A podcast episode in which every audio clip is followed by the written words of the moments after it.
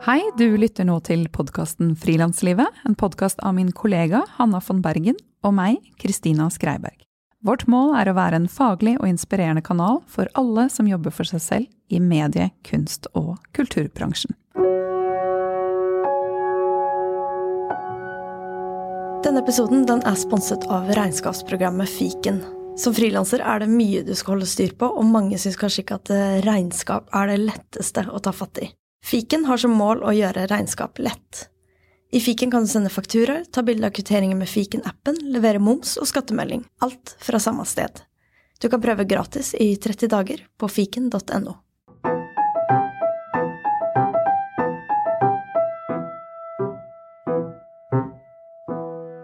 Dagens gjest er Samsaya Samta Sharma. Samsaya er artist, låtskriver, komponist og driver sitt eget plateselskap. I 2004 kom hennes første album, og siden den gang har hun ikke bare preget norsk musikkbransje, men også norsk TV- og filmbransje med roller i flere norske filmer. Hun har hatt konserter og jobbet med produsenter rundt om i hele verden. Samsaya ble nettopp 40 år gammel. Gratulerer. Takk. Hun bor i Oslo sammen med sin ektemann, som også er musiker. Ja. Velkommen, Samsaya! Takk. Det er så hyggelig at du er her. Kristine, jeg må si en ting. At når du åpnet nå og sa introen, så ble jeg skikkelig starstruck. Altså, når du sa ja, nå eh, Altså, var eh, Jeg bare tenkte dette hører jeg på så ofte! så jeg følte at ja, ja, dette var big deal, da. Merket jeg. Skjedde en Så sånn ting inni meg. Mm. At du lytter på podkasten er jo det er, det er så hyggelig å møte dere lyttere og høre at, uh, høre at dere lytter. Det, det gjør jeg. Så det var eh, Det ble ekstra stort når man hørte den introen, for den har jeg hørt. Den har det. Du er- lytter nå til podkasten. Ja. Du, hvordan, hvordan har du det i dag? Eh, bra. Eh, veldig bra. Ja, Mm. du har en ok dag? Jeg har en ok dag. Ja. Du, jeg lurer på om vi skal starte sånn Spole litt sånn tilbake til barndom og sånn. Ja. Oppvekst. Og når du fant musikken. Når var det? Jeg vil si at jeg har fått høre av foreldrene mine at jeg alltid driver og sunget en del, da. Sånn litt sånn at man er nesten litt sånn slitsom, at jeg sang veldig mye. Men ikke fordi det var sånn at jeg skulle fremføre noe, men mer at følelser kunne jeg synge. På en eller annen måte. Men jeg vil si at jeg, når musikken virkelig tok meg, det var i tenårene. Når jeg følte veldig på Jeg merka at når jeg ikke klarte å forklare meg selv bedre, så plutselig begynte det å komme tekster. Og det er da jeg følte virkelig at musikk Når teksten kom inn. Uh, og det var jo Det var rap det gikk i. Det var, eh, det var jeg hadde så mye på hjertet, føler jeg også. Og så noen ganger så tenker jeg sånn Jeg var virkelig sint. jeg var frustrert. Og jeg var vel 13-14. Det var sånn syvende klasse. Og jeg hadde spilt fotball i mange år, men også ikke vært helt sånn Gjort det fordi jeg følte at jeg liksom måtte litt for å prøve å finne hvordan jeg skulle passe inn. Uh, og så var det de andre som var i røykeskogen, husker jeg veldig godt, sånn på skolen. At der også var det sånn at man var, hvis man var der, så følte jeg at det her er jo ikke helt meg. Og så et eller annet sted i midten så bare tenkte jeg, da falt jeg veldig ut. Og var litt for, veldig mye for meg selv, egentlig, i den tiden. Og uh, i en periode, da ble det mye tekster på eh, liksom soverommet og skriving og mye sånn følelser om at hvorfor bor vi her? Eh, og, og det var litt også fordi jeg følte at foreldrene mine hadde forventninger om hvem jeg skulle være. Eh, og der kom jo da at jeg begynte å endre navnet mitt, faktisk. Uh, så jeg heter jo, foreldrene mine har gitt meg navnet Sampada, som betyr Inner Joy, som er jo veldig fint, da. Veldig fint. Ja. Men eh, jeg ville da synes det var så slitsomt å være sammen på deg, for da følte jeg at jeg var virkelig hun der flinke indiske jenta som alle skulle være stolte av. Så jeg hadde lyst til å være litt sånn tøffere, og jeg, jeg visste at det var noe annet i meg, så jeg, jeg kalte meg Sam. Så jeg bare, nå skal jeg hete Sam. Eh, og så rappa jeg som Sam, og så var tekstene sånn, og jeg var veldig sint. eh, og jeg husker at det ble Det var sånn å finne veien, så jeg lett, eh, begynte å henge på fritidsklubben på Tøyen. Og det litt sånn rask forhistorie på det var at foreldrene mine var veldig sånn Lurte på hva man gjorde på en fritidsklubb. Sånn klubb, hva er det? Uh, og så på Ellingsrudklubben så visste jeg ikke om aktiviteten noe særlig utenom at man dansa og bare hang. Så sa jeg det, var dum nok til å si det til foreldrene mine, og de syntes det ikke var noe særlig bra aktivitet. Altså hvis ikke det var å lære dans, så skjønte de ikke. Så de bare, det blir jo som en nattklubb. Nei, det får du ikke lov til. Og det knekte meg veldig at jeg ikke fikk lov til det. Eh, og så sa mamma men du skal få lov du kan, jeg, jeg ble jo veldig sånn sur og uh, sint og raserte rommet mitt og følte at hvorfor bor vi i Norge hvis ikke jeg kan integrere meg med de andre eller henge med de andre, det er ikke bra. Så du var en del sint? Jeg var sint da. Veldig sint på mamma og, og følte at hvorfor kan ikke jeg henge med de andre ungdommene? Og jeg tror hun var redd for at man skal begynne å røyke, at man skulle liksom bli sammen med noen gutter som var mye eldre. Så hun hadde jo noen gode bekymringer, egentlig. Etter, jeg har jo sett det senere. Men hun gjorde en bra ting. Eh, for at jeg ikke skulle bli helt langsint på henne, så gjorde hun en smart ting. Som jeg ikke egentlig spurte henne sånn hvordan hun tenkte rundt det, egentlig. Men hun sa sånn Hvis du kan fortelle meg en aktivitet de gjør der, som er en aktivitet. At du, lærer du noe, så skal du få lov til å dra på fritidsklubb og henge, da. Og da så sa hun, eh, sa hun sånn at eh, Så fant jeg ut at på Tøyenklubben i byen, der hadde de hiphop-kurs. Altså hiphop-danskurs, og så hadde de mulighet til å spille inn musikk og sånn. Og da kom jeg tilbake til mamma, og det var jo å ta T-banen til byen. Så det var jo helt annet andre at hun det, Så, så tenkte jeg sånn, ja det var jo greit, for det var noe jeg kunne lære. Så da istedenfor å henge på eh, Ellingsrud fritidsklubb, som bare var 15 minutter fra oss, så dro jeg til byen hver fredag og begynte å henge på Tøyen, gamle Oslo aktivitetshus. Og der eh, fikk jeg rappe masse, og jeg begynte å Og fikk fremført disse tekstene som jeg skrev, da.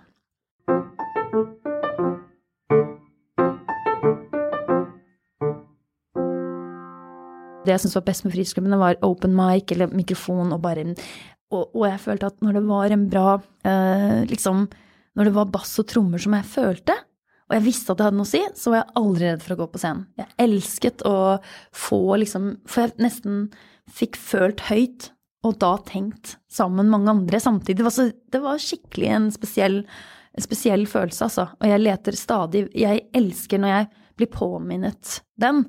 Og jo mer etablert jeg har blitt med tiden, jo mer distanse var det en periode som Nå hopper jeg veldig å fortelle ting her, men jeg må si det at sånn i livet så føler jeg at det ble sånn Det ble farlig hvor stor den distansen ble en tid.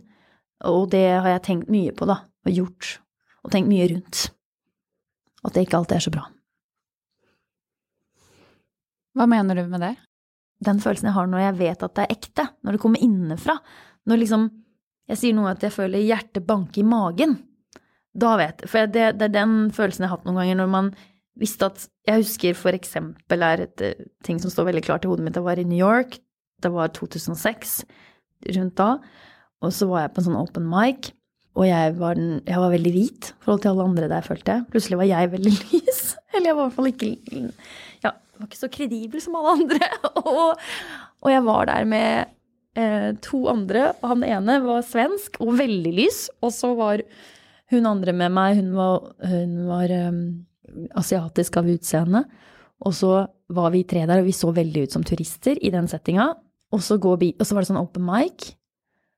Og så, og så føler jeg bare sånn, hører jeg denne biten, og så begynner jeg å føle det der hjertet banke i magen. Og jeg visste at nå skal jeg opp på scenen, jeg. Og så sier jeg det til hun, de andre som er med, og de bare nei, det gjør du ikke, ass. Det gjør du ikke. Du går ikke opp på scenen her. Det her er skikkelig men Det her kan du ikke gå opp, for det er, New York, og det er Lower East Side, og du, vi vet ikke hva som kan skje. Vi kjenner ingen, og herregud, det kan skje. Vi syns du er bra, men ikke gjør det her. Ikke gjør det her. Vent litt og vent. Jeg bare, jeg må liksom. Jeg bare føler at jeg må. Og det var sånn at det, da visste jeg at jeg skulle, så jeg, jeg, liksom ba om å få mikrofonen der, i den, der hvor man egentlig skriver seg på. Og er sånn. Og så ble jeg med på en battle der. Og jeg husker at uh, vennene mine gikk lenger og lenger bak i lokalet først når jeg skulle opp. Men da jeg kom opp, så var jeg sånn veldig sånn Jeg følte at det her var noen annet som drev i meg, ikke bare jeg. Jeg hadde så lyst til å være der, jeg hadde så lyst til å gjøre dette her. Jeg, jeg bare forklarte akkurat hva jeg gjorde der, det, hvorfor jeg kom til USA. Hvorfor jeg, for at jeg hadde, drev, jeg hadde fra ung alder hatt det på ja, Det ble en rap om det, da. Det ble en freestyle om det.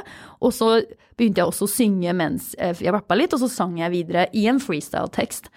Og jeg fikk søren meg med publikum og alle ble så begeistra. Fordi først var det veldig lett å hate på meg, for jeg så ikke ut som noen av de andre. Hadde også på meg rosa klær, og de andre gikk med sorte hettegensere, og det var, liksom, det var liksom så mye hardere miljø der. Men jeg tror det var Og da, og da igjen følte jeg det jeg følte på fritidsklubben, som var så mange år tidligere, at når du, når du klarer å uh, komme inn på liksom en sånn uh, En følelse som jeg vet flere av oss har. Den derre følelsen med at uh, det kommer så dypt. Det, det, det handler ikke om noen um, om andre skal like deg eller ikke, men det her må du få sagt. Den følelsen, den leter jeg stadig vekk etter noen ganger når jeg føler at det har blitt så etablert at alle vet hva de skal gjøre, og de tror de vet best hele tida. Og jeg selv har tatt meg selv og tenkt at, at dette her kan jeg, dette vet jeg. Og så blir jeg overraska at nei, det er så mye jeg ikke kan. Det er så mye jeg er i en lærefase av. Og den ekte og ærlighetsfølelsen, den derre samtidig som det riv og dra, det der følelsen i magen, de, den kombinasjonen leter jeg etter. Og den er ikke så lett å sette sånn hvor mye vi kommer til Nå tenker jeg som artist og karriere og hvor mye kommer vi til å selge av dette her? Kommer folk til å skjønne? Er det viktigste at folk mener det samme som meg, eller er det viktig at jeg får sagt det jeg virkelig vet at må bli sagt nå? Og det føler jeg, i hvert fall de to siste årene, har jeg blitt veldig streng med meg selv om å må gjøre. Jeg skal ikke ikke la kommentarer eller eh, sånn som vi ler bort i en joke blant venner noen ganger, i et middagsselskap og sånn, så jeg tenkt på ting som jeg liksom tenkt åh, det her var jo ikke bra, det burde man jo ikke si, men så har jeg bare latt det gå, for jeg følte at det ikke ikke være vanskelige. Og så jeg tenkte, det begynte jeg også å gjøre i business-sammenheng, at jeg bare nei, dette her er ikke ok. Vi skal ikke snakke sånn, vi skal ikke tenke Eller det her føles ikke riktig, og jeg må få kunne sagt det bare sånn. Det her, I don't have all answers, but this doesn't feel right. Og jeg elsker når jeg kom nylig Nå ble, var det Fendi faktisk som lurte på om de kunne bruke en av mine låter til en reklame. Og først ble jeg jo sånn Fendi og reklame med Fendi, og så begynte jeg å lese den scoren deres og bare tenkte jeg penger, og dette er jo deilig å få, liksom. Og så googler jeg Fendi, så står det Fun Fur. Det er det det står for. Det visste ikke jeg om Fendi. Og jeg bare Ah, det her kan ikke jeg gjøre. Så jeg mailet med en gang bare «Ah, Jeg beklager. Og da må jeg maile til et ganske stort team i den sammenhengen. Og jeg kjenner jo at alle andre som er med, også får ikke penger da. Og så må jeg være den som må melde at fordi jeg føler sånn, så Men så tenkte jeg, og så fikk jeg veldig vondt i magen at åh, jeg føler at jeg er veldig vanskelig. Alltid den som er vanskelig. Jeg kommer med sånn Jeg tok også trakk låtene mine fra en amerikansk serie der det som skjedde, var Det visste ikke jeg at den serien var sånn, men da var det noen som hadde valgt tre av mine låter i en serie. Og det er jo sånn hei hurra, nå får vi synkpenger for det. Det er jo gøy. Men den serien var en sorority-serie i USA som handlet om uh, sorority-hus, da, som de pleier å ha i USA. Jeg kan ikke nok om den kulturen, men jeg, da var det en serie der de, det var mange som følte at uh, afroamerikansk kultur ble dårlig vist, eller at det ikke var vist på en bra måte. Og så var det mange som begynte å mail, uh, skrive til meg direkte. Jeg bor jo ikke i USA og kunne ikke se den serien, så jeg hadde faktisk ikke sett den. Jeg hadde bare fått en sånn du vet, Man får sånn fire setninger hva dette her er, og det virket jo greit på de setningene, så jeg hadde klarert det ut ifra det. Men da når jeg får det, det jeg syns er bra med Instagram og Facebook, at jeg begynte å få direkte meldinger av, av, andre damer i USA som bare This is not great, som sa I expected more of you. Så jeg bare I'm sorry, I didn't even know what this is. Could you please tell me some more? Og jeg bare Oh my God, det her må vi fjerne med en gang. Og så var det så deilig å eie rettighetene sine nok til å sitte og kunne gjøre det, da. Og så bare gå inn og si det her vil jeg ikke være med på. Men jeg er den personen som føler at det er veldig viktig for meg. Og det setter jo noen ganger begrensninger, men det er så viktig, for det åpner også den rette veien å gå mer inn i, og tørre å få større muskler til å gå den veien. Og skjønne hvor viktig det er at ja, vi sier nei til noen penger nå, vi kan være redde litt for hva det kan si i helhetsøkonomien, men det er aldri noen penger som er verdt det egentlig i lengden. Og det føles så vondt når man gjør sånne dumme, når man, når man vet bedre. Så jeg er veldig på den nå at uh, enda sterkere enn jeg noen gang har vært før, også fra business-siden. For jeg kanskje visste som artist, jeg visste at det, her er hjertet mitt, dette vil jeg synge om. Man hører jo det. Jeg føler at den røde tråden i meg, hvis noen skal lete etter det i musikken min, så føler jeg det veldig Noen sier jo det er stemmen min, føler de, og jeg føler også selvfølgelig også at det er jo tekstene. Når man ser på innholdet, så vet jeg egentlig hva jeg har stått for. Og når man har følt at det har gått litt, kanskje blitt litt mer hemmelig i teksten, så føler jeg at det har vært påvirket av hva som kanskje vært litt sånn akseptforhold til hva som burde prioriteres, og at man kanskje har gjort noen kompromisser til tid og annen, men ja, at det har vært en smal sti noen ganger. Jeg syns det er veldig inspirerende at du er så kompromissløs. Jeg prøver å være Jeg prøver virkelig å være det med Ja. Mm. Men har du hatt eh, perioder i karrieren hvor du har blitt mer ytre styrt? Jeg har tenkt mye på det at jeg vet i hvert fall hva som innerst inne føles riktig og galt. Og det må man høre på. Men jeg har til tider følt at ja, jeg har gått på kompromiss noen ganger når jeg har følt at nå skal ikke du Det er ikke en menneskerett å drive med musikk. Snakka med mannen min om det i dag. Og han bare nei, vet du hva, jeg tykker det er det. Jeg tykker det er det. Og jeg bare Ja, det har du så rett, Andreas. Altså, nå prøver jeg å snakke som han er så fæl når Det var veldig bra svensk. Forsker til svensk. men, men Han sier det, og han har så rett i det, at selvfølgelig er det det, egentlig. Hvorfor har vi begynt Ikke sant? Ikke, har ikke du også følt Jeg vet ikke, kanskje det er Hanna som har snakka mer om det, men Eller at jeg føler at det er noen sånn krav pålagt fra andre om at du kan ikke drive med hva som helst musikk det må være sånn og sånn, og hvis du skal overleve, så må du gjøre sånn og Det er jo bullshit! Ah, for guds skyld! Og jeg syns det er så deilig å få tilbake selvtilliten. Når jeg var yngre, så visste jeg jo det. At det Jeg lette ikke etter andre engang, for jeg visste bare at det, det, må ut. Dette er viktig, hva jeg føler er viktig. Det er, det, det er jo ikke hvordan jeg gjør det, det er at jeg gjør det, at jeg får det ut, som er det viktigste. På en eller annen sted på veien, når du jo mer For jeg tror dette er det som skjer. Det for, jeg sammenligner det med forelskelser noen ganger. At folk blir du vet når du blir forelska i noen, sånn følte jeg noe med folk som skulle jobbe med meg. De ble forelska litt i uttrykket eller noe de så som de likte, og så skulle de bare endre det. Sånn, sånn som i et forhold noen ganger, at du tenker her kan vi, dette kan bli bedre, vet du. Da gjør vi litt sånn og så sånn. Og til, noen ganger så har jeg brukt det her bildet, for jeg, jeg skrev en sånn tekst også som handla om det. At jeg til slutt følte at jeg var en tannpirker. Jeg var jo et tre. Jeg var jo et lite søtt tre med så fine blader. Og så klarte noen å gjøre meg til Du vet de derre tannpirkene som til og med har sånn lag på toppen som er sånn tynt som smaker fluor eller noe. Og jeg følte til slutt sånn? Jeg følte at jeg var godt på vei til å bli sånn, ja. Og fordi at jeg tenkte at nå har vi det jo endelig fått det til, nå er det noen som vil hjelpe meg, de er store, de er mange, de, er, de vet jo at dette er bedre enn meg. Og, og det, jeg kan si det til de som lytter, It will happen many times in your life. Liksom, du tror at det er én gang, men hvis du følger godt med, så skjer det litt ofte. Det kan skje på jobb. Du kan få jobb på det selskapet du vil jobbe i. I samme hva du jobber med, da. Og så tenker de vi elsket podkasten deres, den var så inspirerende, for kan de si til deg. Så, men vi har tenkt på noen forandringer. Og det er liksom der det kommer, da. Er det som blir sagt da, det er liksom den der fine med at her har de mulighet til å sponse deg med masse penger, men er det riktig at man skal bytte hele hvis de ønsker å bytte en profil? Det er liksom, Jeg tror de, disse tingene jeg, jeg, brukte det eksempelet til meg selv ofte. Røykeskogen, kaller jeg det. Fordi jeg husker når man var yngre, så var ville folk at du skulle gå og røyke. Selv om du ikke likte å røyke, så var spørsmålet skal du gå i den røykeskogen fordi du vet at det er sosialt å henge litt der og få noen venner. Men er det real for deg eller ikke? Altså, har, så jeg føler at den kommer hele tida i livet noen ganger. Eller om det er fotballklubben, da. Men jeg tror vi møter på ofte litt sånn, og nå i ny voksenalder, så må jeg si barneklubben, eller det å få barn. Jeg har jo ikke barn, og jeg har vært litt sånn bevisst med at det har ikke vært en prioritet for meg i mitt liv. Og ikke det at jeg sier at jeg ikke absolutt vil ha det, kommer det, så skjer det. Men jeg, jeg jobber ikke for å få barn, da, på en måte med det. Og det også har jeg følt at har en viss Det, det skjer noe. det skaper reaksjoner. Ja, det skaper litt reaksjoner. Ja. Selv om det er en veldig familie. privat ting. Ja, ja kanskje eh, eh, enda mer i familien. Ja. ja. Altså, bare sånn, Men jeg bare mener at det har vært fint å kunne tenke litt på det. Og jeg tror jeg, grunnen til at jeg er blitt den personen som gjør det nå, er jo for at jeg opplevde det så mye med identitet og musikken. At jeg visste at det er bra å gå Og jeg var veldig glad selv om jeg har opplevd veldig mye i bransjen og sett mye, og så var jeg faktisk litt eldre når det skjedde. Da var det jo sånn når jeg seinere noen år satt i et amerikansk plateselskap og jeg hadde et management som jobbet med meg, og de jobbet med meg for de syntes jeg var flinke, så de, de, tok ikke noe penger av meg på den tiden. Men da følte jeg jo så, så nesten litt sånn derre respektfulle tilliten til dem at jeg ikke hadde lyst til å klage hvis det var noe jeg ikke syntes var bra, fordi de hjalp meg jo så mye hele tida. Så den, å føle på det, og de sitter her, og så er det noen som sier ja, men jeg syns du burde fikse tenna. Altså, du er jo en veldig pen jente, men det mellomrommet ditt ødelegger jo litt. Og så begynner jeg å le. I ung alder hadde jeg hørt det masse fra alle i familien at jeg var så heldig for at jeg hadde mellomrom. Og jeg så på det som, som en nesten sånn at jeg var vakker for at jeg hadde mellomrom. Så når de sa det til meg, da var jeg såpass sånn Det var så forankra i meg ja. Ja, at jeg begynte å le. Sånn at de følte seg så dumme. De skjønte jo ikke hva jeg De bare um, Well um, Så ble det sånn awkward silence, og jeg bare Yeah, because then I'd look like any Indian girl. And they're like two billion of them. og så bare begynner jeg å le, liksom.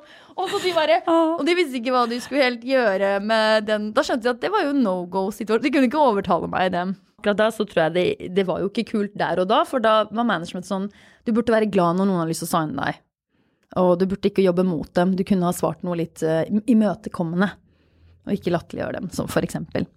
Men ja, men det var veldig bra å være Da var jeg vel 20 Jeg var tror jeg 26 eller 25 faktisk når vi hadde den samtalen, så jeg var jo veldig voksen.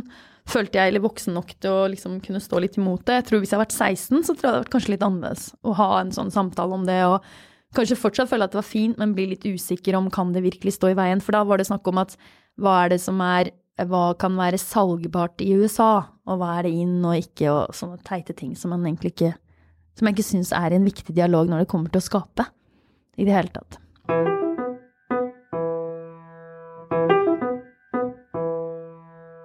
Nå har det vært innom mange ting som jeg vil eh, nøste opp igjen etter hvert.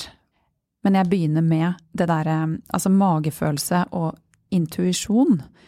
Du nevnte før vi gikk inn her Eckhart Tolle. Ja. Kan ikke du fortelle litt sånn hvordan, hvordan jobber du med å være in tune med din egen intuisjon, på en måte? Eller din Hva som er viktig for deg? Jeg, valgene du tar. Jeg skal si en ting. Veien min til Eckhart Tolle var litt vond. Fysisk vond, faktisk. Fordi nå føler jeg at jeg er lettere å prate med, også for meg sjæl, enn for noen andre. For bare for to år siden så Fordi jeg var jo med på en sånn kjempespennende ride som jeg tror egentlig du har tenkt å spørre meg noe om. Jeg vet ikke om du kan gjøre det, så vi bare snakker om det nå, vi. Men det var egentlig at jeg var jo det er jo heldig på en måte. Jeg turnerte i USA, jeg fikk gitt ut skiva mi der. Jeg fikk liksom kommet meg ut av Norge med musikken min, på en måte. Ikke bare at folk faktisk lyttet på den sånn på nett, men at man fikk dra og promotere seg litt, da, eh, i utlandet. Og, og, og eh, da samarbe- samarbeidet jeg med Jeg har jobbet med mange forskjellige opp gjennom årene, men akkurat da så jobbet jeg med en som heter Per Eirik Johansen, som gikk bort. Og han Det interessante var at vi jobbet sammen i sånn intens år.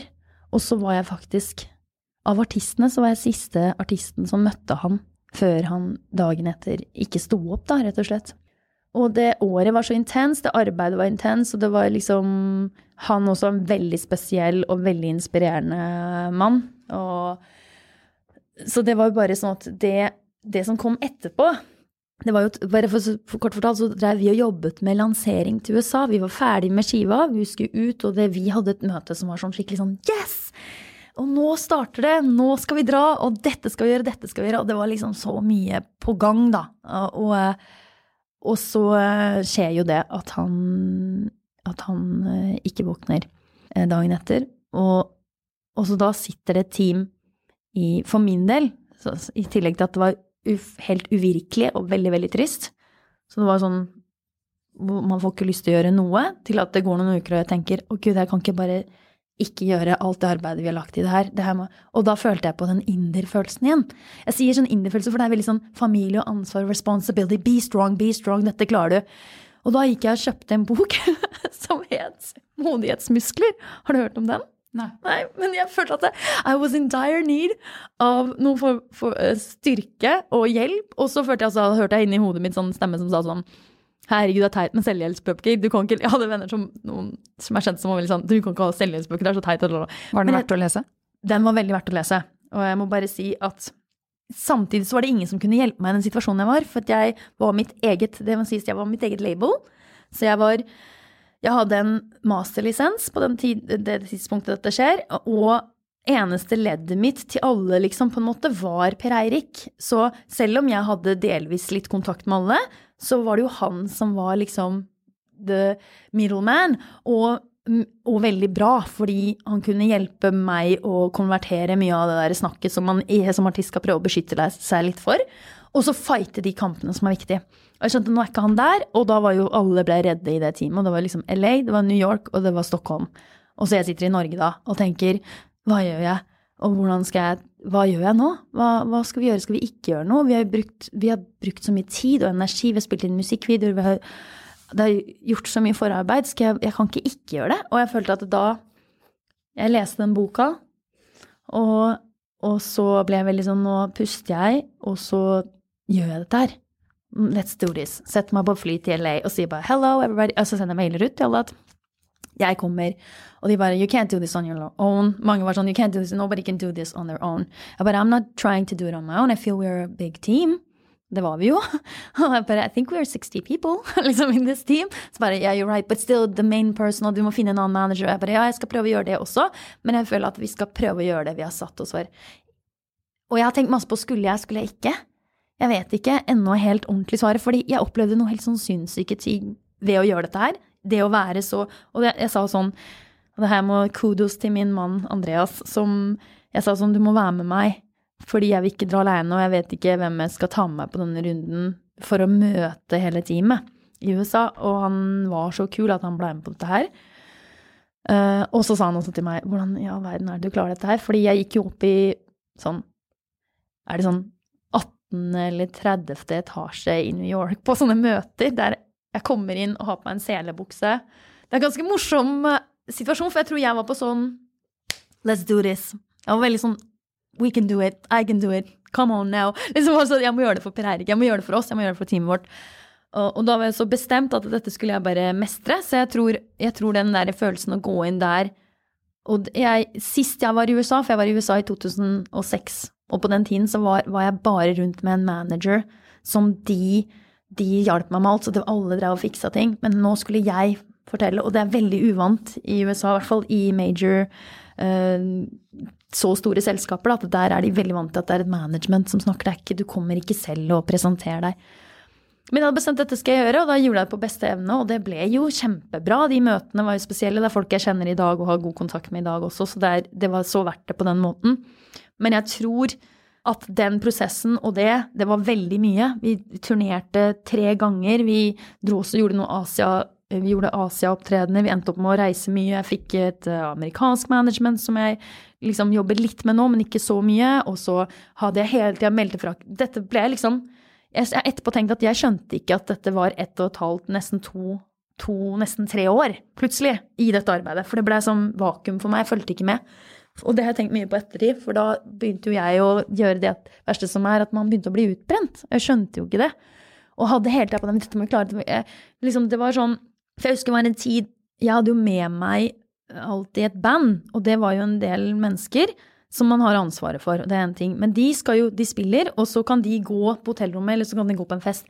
Men jeg skulle gjøre promo og så melde fra til hele teamet, og alle de der innregningene og alle de tingene ble mitt ansvar. Det var ikke noe ekstra ledd der, på en måte. Så du fant ikke en ny manager det, i den prosessen? Jeg fant en manager, men ganske eh, sånn halvveis i det. Og det var en amerikansk manager med en helt andre verdisett. Og jeg prøvde å finne, finne den beste i det, og jeg syns på mange måter at jeg gjorde det. Men den vi var jo ikke det teamet som jeg og Per Eirik var, altså. Det var vi ikke. Og at jeg følte blant annet en av de tingene var et valg av en radiolåt der jeg, jeg hadde veldig lyst til, for de som kjenner uh, låtene mine, så er det en låt som heter Jaywalking, og jeg hadde sett hvordan den påvirket publikum. Hvor mye de sang med på den låta, og hvor engasjert det var. Jeg visste at det burde være singelen min i USA. Og da var en amerikansk manager som sa Eh, det eh, plateselskapet sa da, de som hadde det der, sa at nei, det er en annen låt som burde være det, fordi det er en mer radiovennlig låt. Så sa jeg, men handler det ikke om å bygge de som skjønner hva du Altså, handler det ikke om den relasjonen? At jeg ser jo hva som funker på mitt publikum. Og hvor, historien i denne låta er viktig for å fortelle dette dreier seg om historier. Og han bare Even though you're saying that, Samsaya, you just need to know one thing. That if you lose their millions because you insisted on that, it will be really bad. But if they lose your millions, you'll still have a chance to do the next thing. Det her husker jeg var en sånn situasjon å tenke på, og jeg bare Eller som ble lagt til meg, at it's up to you, I can fight it for you, but I, I'm, this is what I would like to tell you. Og det syns jeg var så sånn vanskelig, og jeg lot jo da Jeg tenkte at ok, han har rett, vi går for den andre. Og det skal ikke sies at det var alt som ikke gjorde det videre At det ikke da den låta ble Den funka ikke på radio, den Eller funka, funka, den ble jo listet, men ingen kjente igjen den i forhold til jeg følte den historien jeg ville fortelle, for de var så opptatt av å tilpasse noe til et marked, mens jeg var opptatt av å si at jeg tror det folk liker, dere må stole på det, det er det vi ser funker på konserten nå. De, det er en historie, og de kommer til å linke og skjønne at det er meg, altså, i en verden der du ikke kan gjenkjenne så, Det er så mye som kommer mot deg, på en måte. Uh, og jeg følte at Per Eirik hadde fighta den så mye bedre. Per Eirik, vi hadde klart det sammen. vi hadde gjort det. Men da var ikke han der for å gjøre det, og, og, jeg, og, jeg, var også veldig sliten på det tidspunktet. Og jeg husker jeg ringte mye til Andreas på nattetid på turneen, og han bare Hvorfor er ikke du Og han bare sånn Til slutt ble han veldig sliten, og han sa sånn Du er ikke glad, liksom. Og det her er ikke verdt det, hvis ikke du er glad. Da husker jeg at det, det her med hjertet for meg, at fra at jeg begynte først i Norge å tegne hjertet, det var at jeg ville veldig gjerne at noen skulle spørre meg om hva musikken dreide seg om. For de var veldig opptatt av hva jeg hadde på meg på den tiden. Kanskje det er fordi du er den alderen du er, du er i 20-årene. Selvfølgelig, jeg liker å pynte meg, jeg liker å gjøre mer visuelt ut av musikken min. Men jeg hadde også veldig behov for at det er musikken som er viktig, det er hva jeg snakker om som er viktig. Så hvordan skulle jeg få henne til å skjønne at det dreide seg om den hjertet som banker i magen min? Jo, jeg bare tegner et hjerte på øyet mitt, for da må de spørre, for det er så synlig. Og det kommer til å irritere noen også. Noen kommer til å synes det er kult, og noen kommer til å synes det er helt jævlig. Så de kommer i hvert fall til å spørre om det. Så det var et sånn knep fra min side, samtidig som jeg syntes det var så gøy for meg å samle nervene før liveshowene at jeg kan ha den derre Ja, jeg må gå og fikse meg nå. Og da var det sånn da kunne jeg sitte litt for meg selv. Det syns jeg var også veldig deilig. Men så begynte jeg å skjønne også, i den hele USA-prosessen, da holdt jeg på med det fortsatt, og at alt dette her skjedde rundt, og det ble veldig mange som det kom jo masse folk som ville jobbe med det her, og det var veldig gøy. Det kom, jeg fikk kontakter både i India, og vi begynte å eh, snakke med folk i Vietnam, og vi spilte også på store festivaler. Og det var jo spennende og gøy, men jeg var veldig sliten da. Da skjønte jeg at jeg hadde jo blitt så sliten, og kanskje ikke, egentlig ikke skjønte at jeg var så sliten. Og så var det sånne ting som jeg kan tenke etterpå at jeg husker at Andrea sa til meg, og jeg syntes han var så slem når han sa det sånn, men han bare prøvde å si liksom Du har det jo ikke bra da er ikke dette bra. Og jeg føler at jeg har vært, opplevd det et par ganger sånn, så tenker jeg bare jeg som gjør dette her, at man går skikkelig inn i ting. Og så bare plutselig så bare Det her er jo ikke ok i det hele tatt. Og så spurte du meg i stad om Eckhart Tolle, sier du hvordan passer du på at du er aligned, eller at du føler den følelsen? Fordi det, aligned er litt sånn Eckhart Tolle-språk for de som hører på og ikke har fått med, skjønner, men at du føler at du er at du er inne med følelsen du skal ha når du faktisk utgjør noe. At det er ikke noe vits å være der hvis bare kroppen din er der til slutt. Så og, og, det, og det, Jeg kom i hvert fall tilbake fra USA da. Jeg eh, har ikke helt skjønt Jeg har skjønt at jeg er sliten, men prøver fortsatt den herre eh, tanken i hodet mitt, eller at jeg skal jeg må jo Jeg kan ikke falle helt sammen. Det blir så flaut. Det blir så flaut. Jobba så hardt, har dette bandet, har alle disse menneskene, så mye ansvar. Kan ikke bare packe opp nå. Men samtidig økte en sånn irritasjon og frustrasjon i meg, og aggresjon også. Litt sånn åh, ingen skjønner, ingen forstår meg. Alle er så duste, alle vil bare bruke meg, alle vil kaste, oss, og venner er ikke venner. Og det var mye frustrasjon som oppsto, tror jeg, samtidig. Når var dette? Dette er 20... Dette er liksom slutten av 2016. Og ja, samtidig skjer det helt sånn uh, Unnskyld, samtidig så skjer det helt sånn incredible things. At du, du drar At vi er på sånn luksushotell i Vietnam og spiller verstefestivalen med 30 000 mennesker som synger med på låtene dine. Altså det er helt sånne ville ting der du har med deg liksom et entourage, og det er jo liksom alt det der. Men jeg begynner å kjenne igjen den der følelsen jeg hadde en gang på VG-lista, og når alle står og synger navnet mitt eller sier noe sånt, og, jeg, og alle tenker at nå skal du være på toppen av den gledelsgreia, og så sitter du på hotellrommet og gråter og litt den viben, så tenker du bare er du bare helt dum i huet? Hvordan er det dette skjer om igjen? Men jeg var ikke så bevisst på det, fordi det var noen gledeelementer vei, på veien hele tida. Uh, men det som skjer da når jeg kommer tilbake og skal begynne på den nye runden av at nå skal vi snart nå har jeg ny musikk, og så er det jo at musikken I musikken klarer jeg ikke å ljuge, vet du. I studio Eller når jeg sitter og skriver, jeg klarer ikke å ljuge, så begynner teksten å bli som de blir. Så tenker jeg, hva er dette her for noe? Unnskyld meg, men noen av tekstene var så mørke og triste, og, og, så, og, og så, mye at og, det, og, på den tiden, etter at Per Eirik gikk bort, så var det jo folk som ville jobbe med meg her også, i Skandinavia og Norge, og da begynte jeg kanskje var så sliten, så jeg tenkte ikke så mye over det. Så jeg begynte å jobbe med folk uten å tenke at er, har de egentlig verdisettet mitt? Tenker de som meg? Jeg var så på autopilot da at da jeg, tenkte ikke så tydelig på det lenger. Så jeg hadde liksom folk som ikke skjønte, og jeg følte at de, hvis du hører på de tekstene Nå har ikke jeg gitt ut akkurat det materialet, og det er noe av det faktisk som jeg kanskje skal gi ut, som jeg har lyst til å gi ut òg, for jeg føler at det er noe viktig med det. Mer enn bare min egen læring i det, at det gir meg noe fortsatt i dag også. Men det er at jeg skjønner at en som bryr seg om deg, burde høre at her, du har det ikke bra nå. At nå kan ikke vi bare tenke på å gi ut musikk for at vi skal tjene penger, nå må vi tenke på deg. Og det her er jo noe musikkbransjen må tenke litt på. Jeg, jeg, dette går ut til alle som er managere og jobber rundt folk som er kreatører.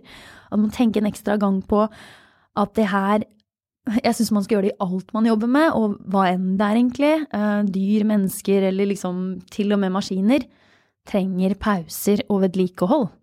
Så jeg føler at der var det egentlig synlige tegn på at nå er jeg sliten. Og så blir ikke det plukka helt opp på, men så begynner jeg å fysisk slå meg.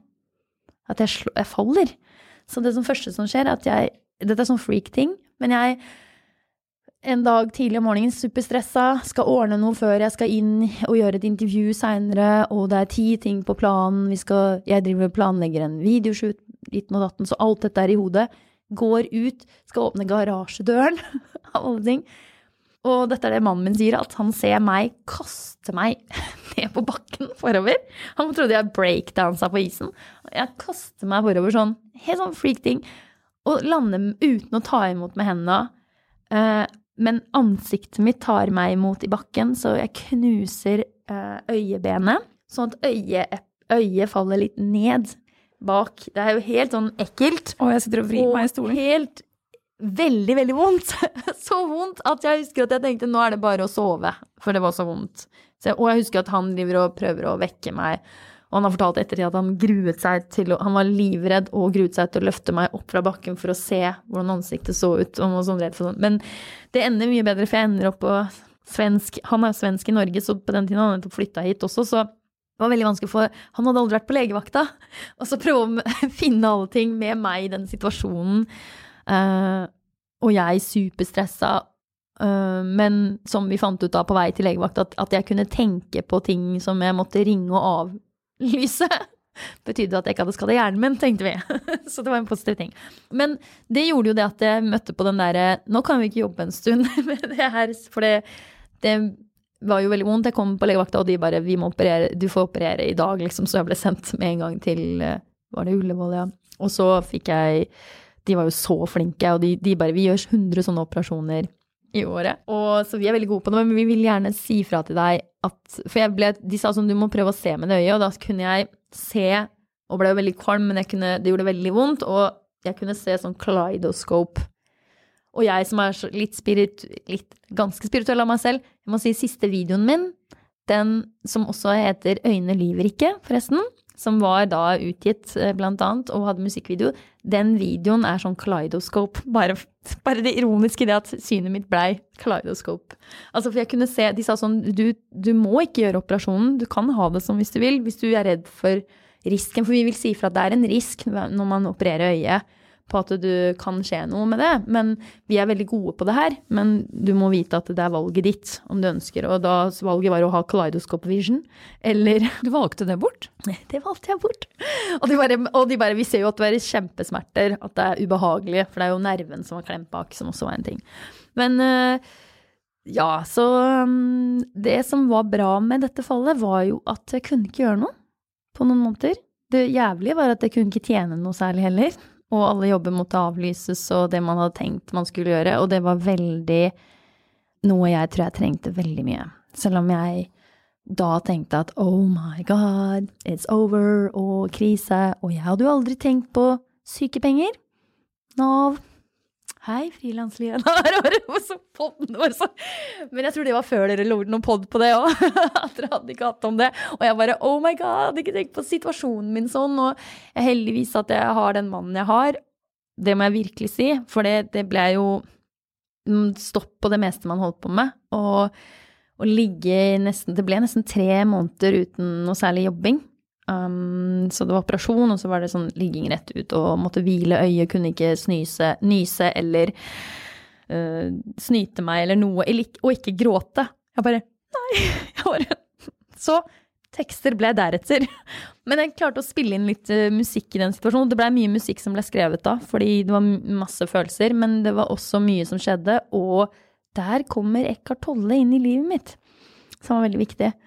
For jeg begynte å skjønne at jeg var veldig sint men jeg visste ikke at jeg var så sint.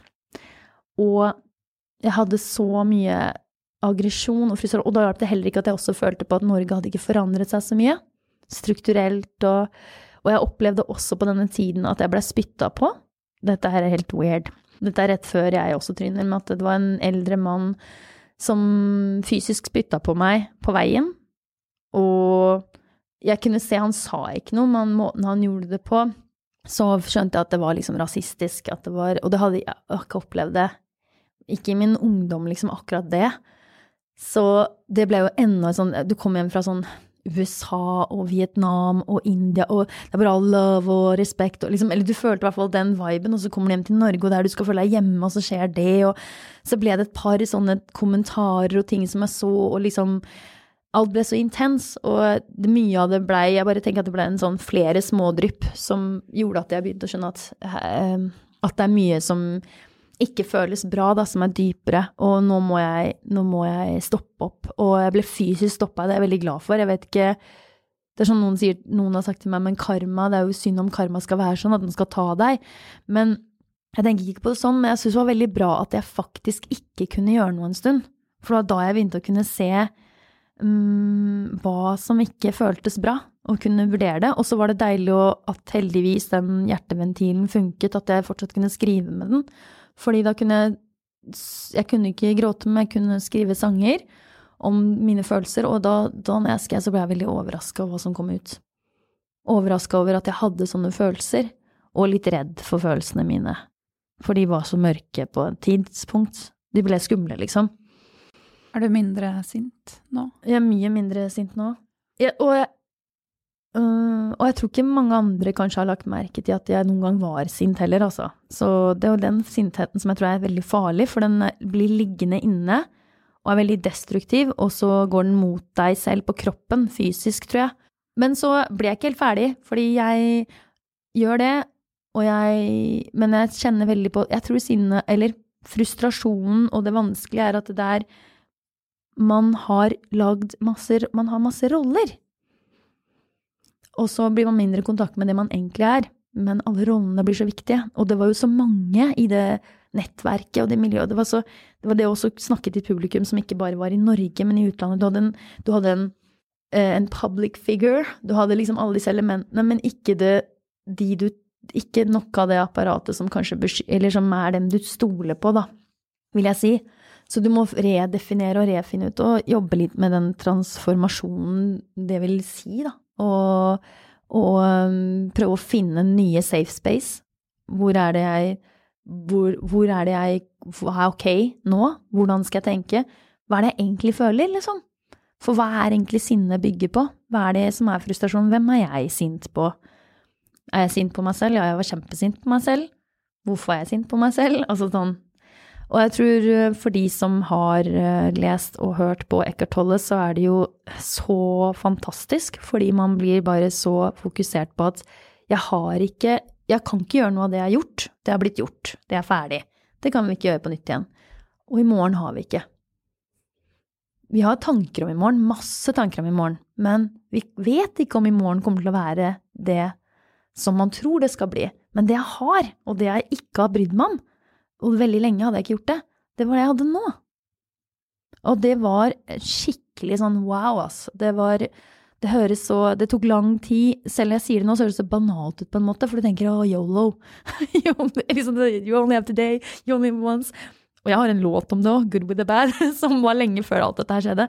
Men det er ikke det. Det var sånn å føle det, å vite det, å ha styrken i det, og bare kunne Så nå, nå det jeg gjør ofte, når jeg føler meg Jeg føler meg ofte overveldet, men jeg tror det er veldig bra, fordi da har jeg kontakt med følelsene mine. For før hadde jeg ikke det.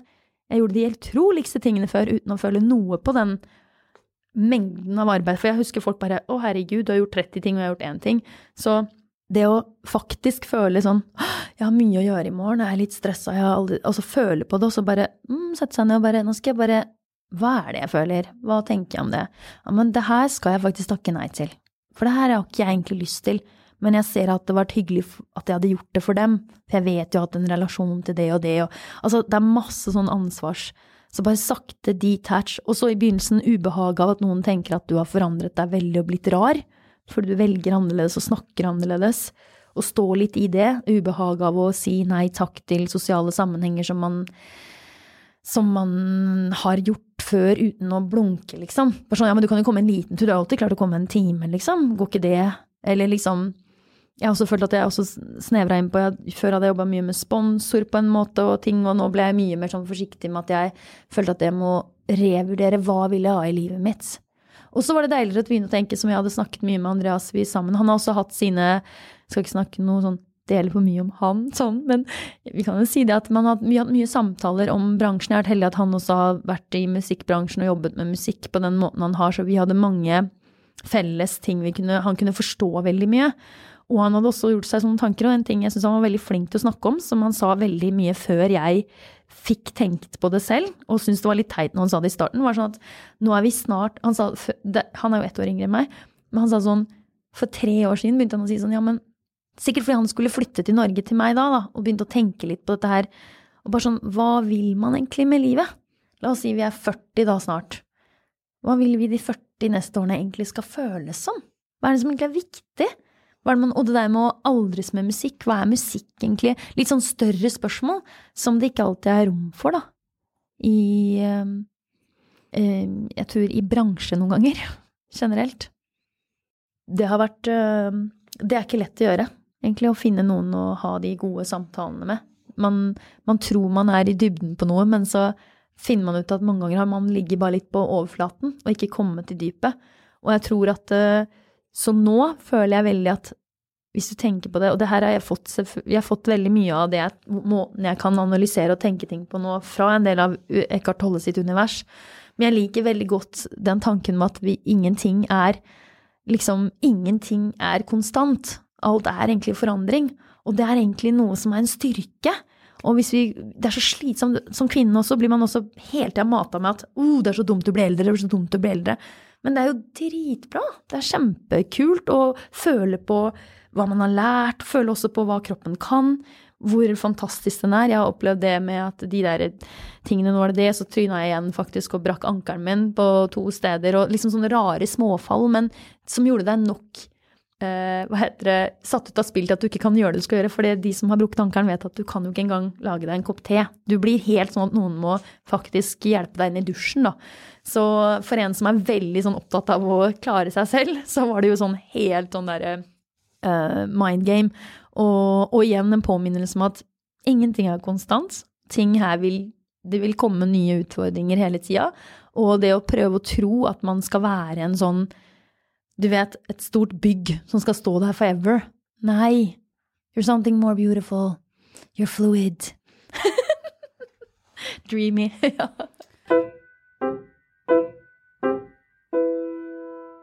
Ditt forhold til eh, Instagram, hvordan er det?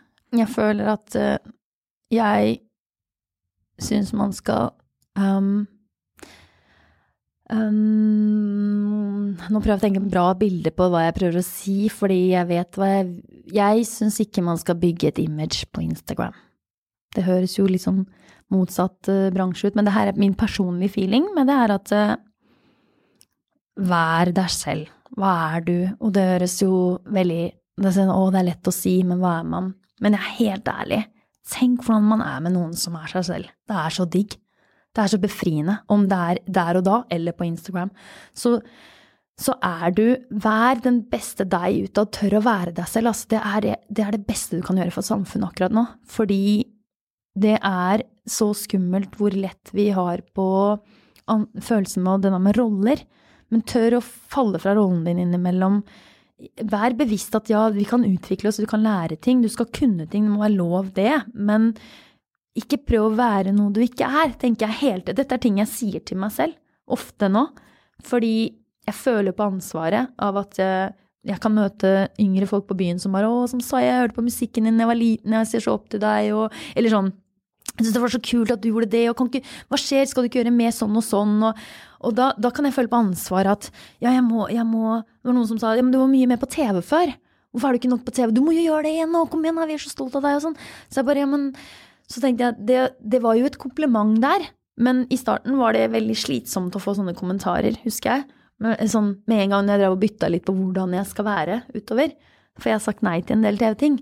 Og, og, og følte at det ikke var for meg på en måte. Eh, men hvor viktig det er å tørre å være den man faktisk er. Og det gjør jeg mer nå i valgene av det jeg gjør med musikken min. Men på Instagram har jeg følt det ansvaret at innimellom så har jeg følt i det siste at um, folk Jeg tenker at folk tenker noe at du gjør ikke noe, for du poster ikke noe. Og, men samtidig syns jeg det var så deilig å ikke poste hele tida, fordi det jeg skal gjøre, er ta litt tid. Og det må jeg gå dypt i. Jeg kan ikke gjøre det light. Jeg holdt på med litt sånn Jeg vil si at jeg gjorde ting Jeg gjorde masse før, og jeg posta mye mer før, men jeg følte at det var for, noen ganger, nå har jeg i hvert fall følt at nå er det for tidlig i enkelte prosesser, så jeg må vente. Og det føles aldri feil å vente. Men jeg kan stadig vekk føle at noen ganger jeg poster noe for tidlig, Så nå skal jeg bruke litt brutalt ord, men jeg kan føle det med bilder, og jeg kan føle det med og dårlige intervjuer. Så føler jeg meg litt rapa. Jeg har ikke noe bedre uttrykk for det. Du kommer hjem og føler at du er hudløs, og at du har blitt misforstått. Og det var bare det jeg tenker med det da, er at det er veldig bestemt at dette var ikke riktig nå for meg. Så med image tenker jeg, er det ikke best for folk hvis folk kan bare være seg selv? Og jeg tror vi kan det. Jeg tror det er en misconstruct fra samfunnet vårt, og vi har blitt veldig innlært med at vi ikke skal være det. Men se rundt dere og tenk litt Jeg tenker sånn ofte Wow, det, følte, hvorfor var dette bra? Hvorfor var denne samtalen fin? Jo, for vi, jeg kunne være meg selv.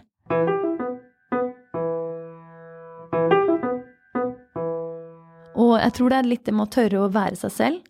Tørre å ikke alltid um, tenke hvordan vil dette For jeg sier ikke alltid, men det er, det er fordi jeg så ofte kanskje faktisk fortsatt også innimellom tenker hvordan vil du tenke at det jeg sier er? Eller gjør, eller hva jeg gjør? Og det er jo igjen image. Og da er det jo så masse regler. ikke sant? Hvordan skal Instagrammen funke? For jeg husker en av, jeg har gått ned gjennom postene mine, og jeg synes, til slutt var det litt sånn spennende å se hvor, hva følte jeg. For det var jo liksom litt følelsesspill. Jeg kunne være litt meg sjæl, merket jeg. Og jeg har jo turt å være det på Instagram. Så gikk jeg gjennom posten, så så jeg jeg hadde en post som jeg var ganske frustrert over enkelte ting, og så meldte jeg fra om det. Men jeg følte at i ettertid har jeg kunnet evaluere den posten masse i ettertid. Og jeg har hatt den der, for jeg vil minne meg selv på den følelsen. Minne meg hva var det som gjorde at jeg følte det jeg følte. Men jeg har tenkt mye på at jeg ser at jeg hadde det vondt da. Og dem som kan se det, kan jo se det også. Men det er også fint, for det, det, det er, en del av dette livet og føle på de følelsene.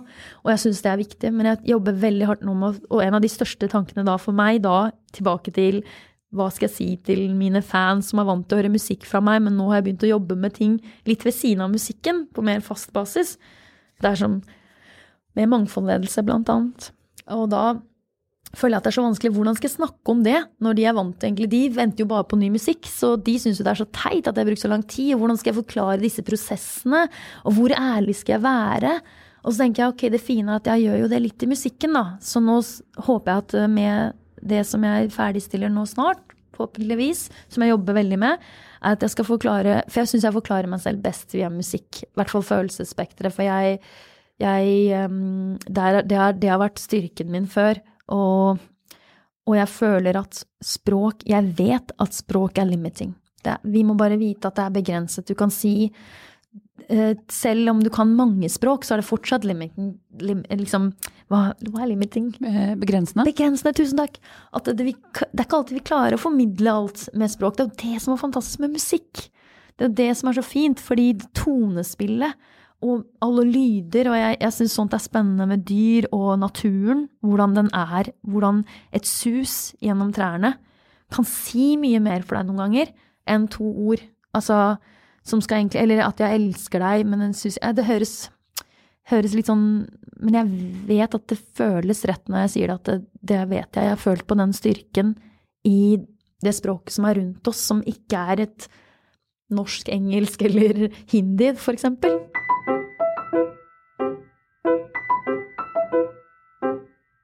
Kan vi ikke snakke litt om det å jobbe, det å skape musikk? Ja når du jobber best, og når du får ideene dine? Ja, det er jo litt morsomt nå, fordi jeg hadde tenkt til meg selv, siden jeg nå har vært opptatt med mannforledelse og masse av disse prosjektene som kommer rundt det, da, som jeg også brenner for, så er det sånn at jeg hadde sagt til meg selv at musikken skal nå Jeg skal ta det fra Jeg hadde tenkt at jeg skulle holde av en periode og ikke skrive musikk. Ta en liten pause fra studio, tenkte jeg. Um, og, eh, og, det Først var det veldig sånn derre Å nei, det har jeg ikke lyst til. Så, og så sånn bevisst at nei, det har jeg ikke egentlig tid til å ta pauser. Men, men så oppdaget jeg det at når jeg da begynte å si det, så var det ikke bare at Det var sånn at jeg kan våkne opp klokken fem. At hjernen bare begynner, setter i gang. Um, og så er det liksom sanger som skal ut, da. Det høres så rart ut. du våkner av deg selv klokka fem? Ja.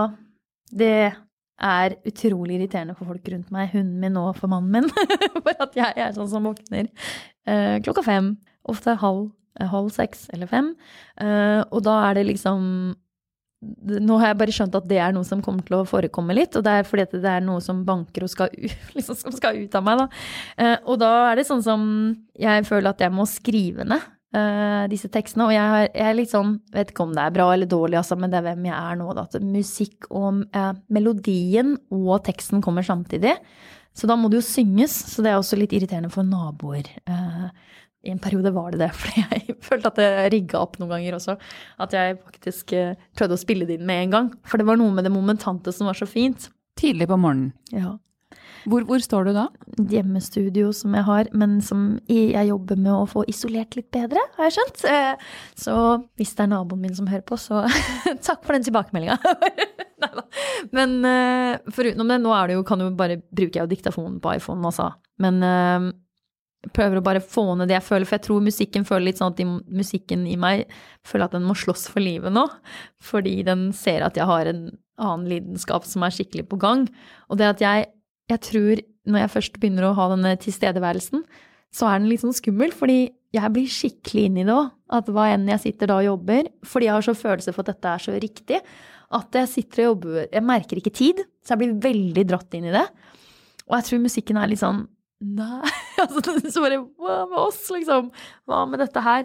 Så jeg tar meg selv i å kunne skrive. Men det som er fint òg, er at jeg skriver veldig ærlig da, da. Og det kommer Og jeg trenger ikke å tenke så mye. For jeg hadde en liten periode som jeg husker i slutten av liksom når jeg skulle fortsatt levere til en skive, følte jeg, til et album som noen andre var veldig opptatt av at skulle komme da og da. Da ble det mye sånn tenking. Veldig mye tenking, og veldig lite sånn konstruksjon av låt. Nå er jeg tilbake til at det her må bli sagt. Og det er så deilig, for det, da kommer flowen, altså rytmikken i hvordan jeg synger, og det jeg skal si. Det kommer så fint sammen. Så jeg, jeg syns det er veldig spennende. Og jeg har opplevd nå at noe av Nå har jeg jobbet eh, med produksjonen selv også, veldig i studio, og prøvde å bare legge til det jeg hører i hodet, mye mer. Selv før var jeg veldig sånn at jeg satt alltid med en produsent i den fasen.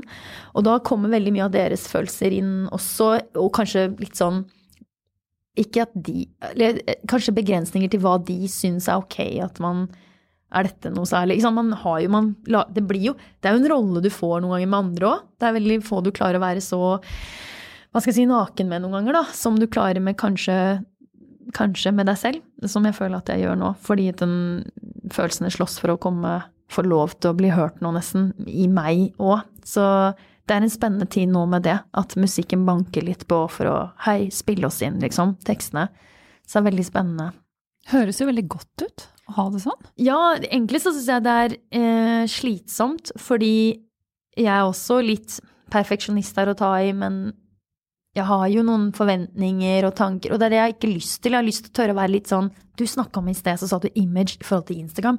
Oh my god, jeg tenker image i forhold til musikk. Altså, jeg tenker ikke det, men jeg har lyst til å frigjøre meg from whatever expectations noen annen person har av meg. For hvorfor er vi så låst til det? Men vi er vel kanskje Jeg tror jeg er jo litt det for at jeg har hatt låter som folk har hatt veldig følelse for, og tanker rundt, og opptredener som de har tenkt mye på. Så nå lurer jeg på, kan de ta meg for hvem jeg er? Og og da føler jeg at første steg er alltid å ta seg selv for hvem man er. Så jeg føler at det har jo skjedd, så derfor jeg føler jeg at låtene er så fine for meg nå. Men jeg har jo ikke tatt det siste steget nå. Nå skal jo disse Skal jeg tørre å liksom slippe de litt ut òg, og da er jeg litt spent på det. Og spent på hvordan mottagelsen blir til det. Mm. Jeg gleder meg. takk. Tusen, tusen takk for veldig inspirerende prat. Takk, i like måte. Det var uh, veldig gøy å få være med her og, um, og inspirerende tilbake. Og få, få, snakke litt om det her, altså. Og se det fra den andre siden også. Vi håper vi skaper innhold av verdi for dere frilansere der ute. Hvis du syns vi gjør det, uh, så blir vi veldig, veldig glade hvis du har lyst til å gå inn i iTunes og rate episoden. Kanskje skrive en liten tilbakemelding. Det gjør at eh, flere finner disse episodene, og det gjør at vi kan fortsette å skape innhold for dere.